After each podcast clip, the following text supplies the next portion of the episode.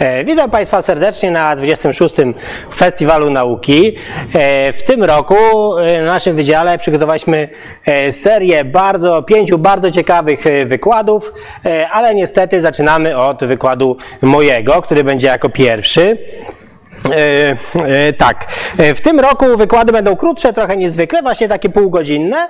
I też to co zrobiliśmy, to postanowiliśmy podzielić publiczność na dwie części. Część jest tutaj w sali, dziękuję bardzo za przybycie, a część jest właśnie przed komputerami, bo można nas też oglądać na żywo na YouTubie. No a pierwszy wykład właśnie będzie mój i ja opowiem Państwu o tym, dlaczego lew jest groźny, więc za 20 parę minut Państwo już będą wiedzieli, dlaczego, e, dlaczego tak jest. E, No i zacznijmy od. No, e, za- zasadniczo zaczniemy od takiego przykładu. Wyobraźmy sobie, że mamy taką czarną skrzynkę. To jest taka czarna skrzynka, która jak się jej pokaże zdjęcie zwierzęcia, to ono, no ona ro- rozpoznaje parę cech tego zwierzęcia i na podstawie tych cech mówi, jak groźne jest to zwierzę.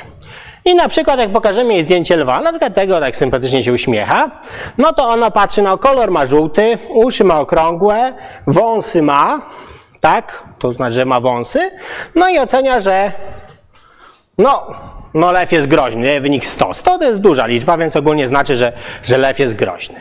No ale jak będziemy pokazywać inne zwierzęta, no to wyniki mogą być inne. Na przykład e, świnia, no jest różowa, ma uszy spiczaste, nie ma wąsów, no i wynik jest tam 30. No świnia nie jest zbyt niebezpieczna, no może tam nas stratować, jak tam za bardzo e, źle staniemy, ale zasadniczo nie jest zbytnio groźna. No i tak możemy pokazywać kolejne zwierzęta, jakiegoś kotka, i tak dalej, i tak dalej. No jak pokażemy żaby, trochę mam problem z uszami, no ale to, to jakoś tam pomijalne szczegóły. No i e, po tych wszystkich, wszystkie te zdjęcia jak pokażemy, to ona zawsze powie nam, czy zwierzę jest groźne, czy nie. No i teraz e, narzuca się takie pytanie, jak ta czarna skrzynka to robi? No bo ja nie powiedziałem, co ta skrzynka, dlatego to jest czarna skrzynka, bo nie będziemy zaglądać do środka. Taką skrzynkę mogą Państwo kupić w dowolnym sklepie z czarnymi skrzynkami. No po prostu e, kupują Państwo taką skrzynkę i ona po prostu wyrzuca ten wynik. I chcielibyśmy się dowiedzieć, dlaczego ten wynik jest taki, a nie inny. No i tym właśnie się dzisiaj zajmiemy, tak? Odpowiem na pytanie, dlaczego lew jest groźny. No i y, opowiem, y, to jest taka metoda y, opracowana w uczeniu maszynowym właśnie do, do tego celu i ona się nazywa, y, ja lubię mówić na to schab, ale ogólnie to bardziej się czyta szab, bo to jest od nazwiska Lloyda Shapleya, noblisty z ekonomii. I ta metoda, co, co ta metoda robi? Ta metoda, jak po, pokażemy jej to jedno zdjęcie i pokażemy jej ten, te cechy i ten wynik, to ona stara się nam odpowiedzieć, skąd ten wynik się wziął. No i żeby to zrobić, rozpatruje podzbiory tych cech. Na przykład patrzy sobie, stara się powiedzieć, jak groźne są zwierzęta, które są żółte i mają okrągłe uszy, ale wąsy no albo mają, albo nie mają. Ok? No i tam wychodzi na przykład wynik 30. W jaki sposób ten wynik uzyskać? No było dużo podejść tam w literaturze do tego. Niektórzy proponowali, że powinniśmy po prostu kupić nową y, czarną skrzynkę, która ocenia tylko te dwa aspekty. No ale to jest kosztowne.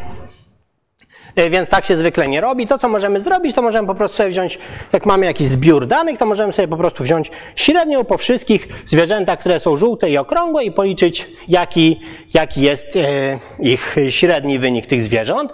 Na przykład wśród żółtych e, zwierząt z okrągłymi uszami na przykład jest kubuś puchatek. No i on to oczywiście zaniża tej tą średnią, no, no bo no, kubuś puchatek ma groźność ujemną. Tak. No i to było dla tych dwóch konkretnych cech. Możemy sobie patrzeć na inne, dwie, na inne cechy.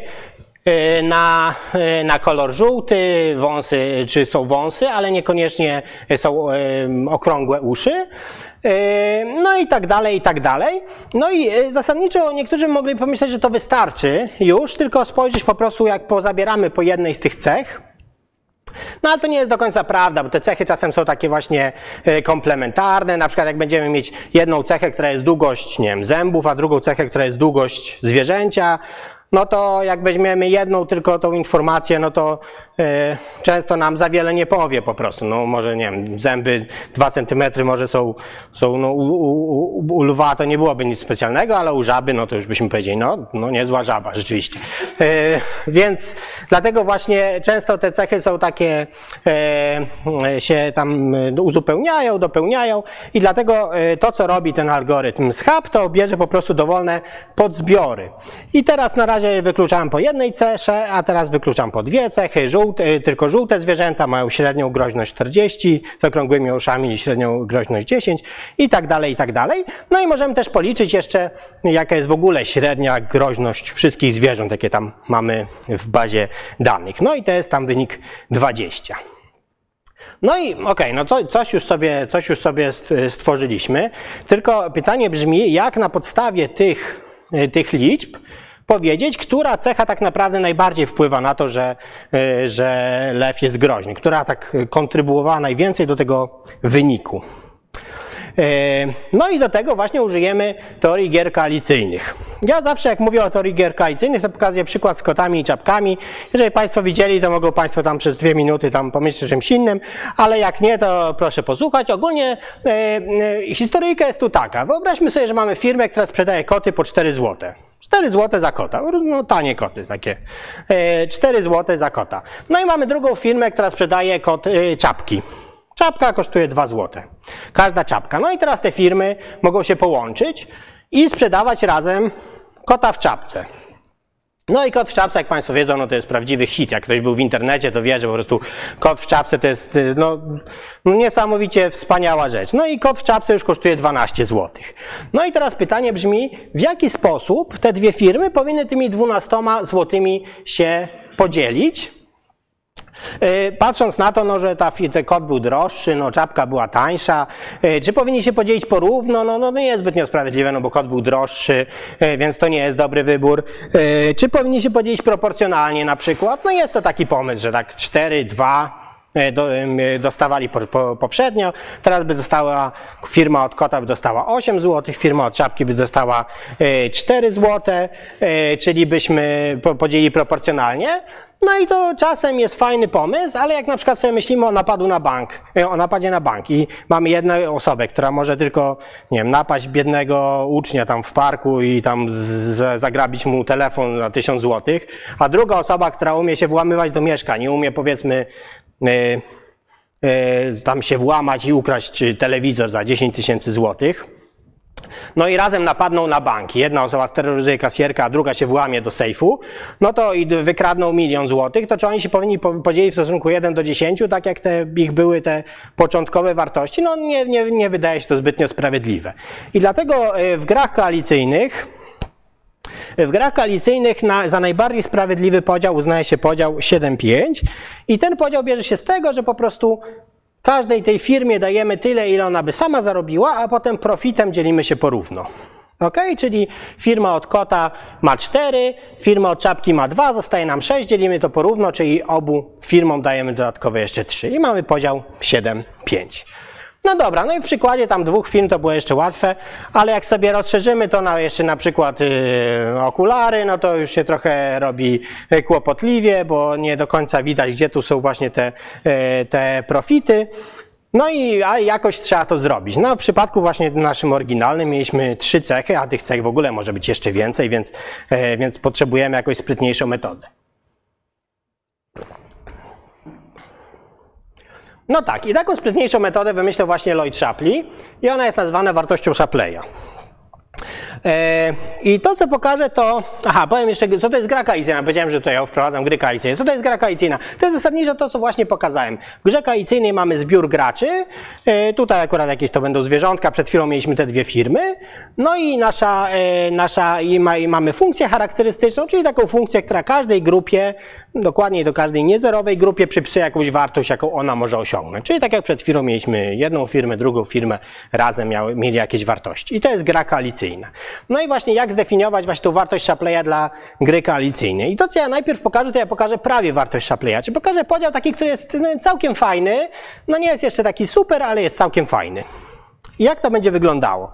Chcemy podzielić te 21 złotych, powiedzmy, e, pomiędzy te e, trzy zwierzątka, pandę, lwa i świnkę.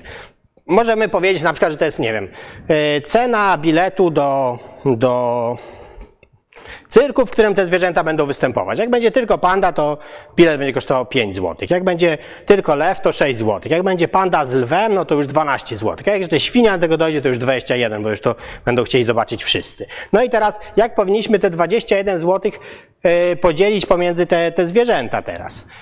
E, no. no i ten pomysł pierwszy jest taki. Możemy ustalić sobie pewną kolejność, na przykład taka jak tu jest, panda, lew i świnka. Możemy ustalić sobie pewną kolejność i, e, i e, zgodnie z tą kolejnością po kolei przydzielać pieniądze tym zwierzętom. Najpierw na przykład załóżmy, że dogadujemy się z pandą. Pando, czy wystąpisz u nas w cyrku za 5 zł? My będziemy sprzedawać bilety po 5 zł. Panda mówi, no dobra, spoko, ok. No i dajemy pandzie 5 złotych. Ok, potem przychodzi, idziemy negocjować z lwem i teraz powiemy, lwie, wiesz, to jest sytuacja taka, panda już jest, jak ty przyjdziesz, to bilety podrożeją z 5 na 12, czyli możemy ci aż 7 zł zaoferować.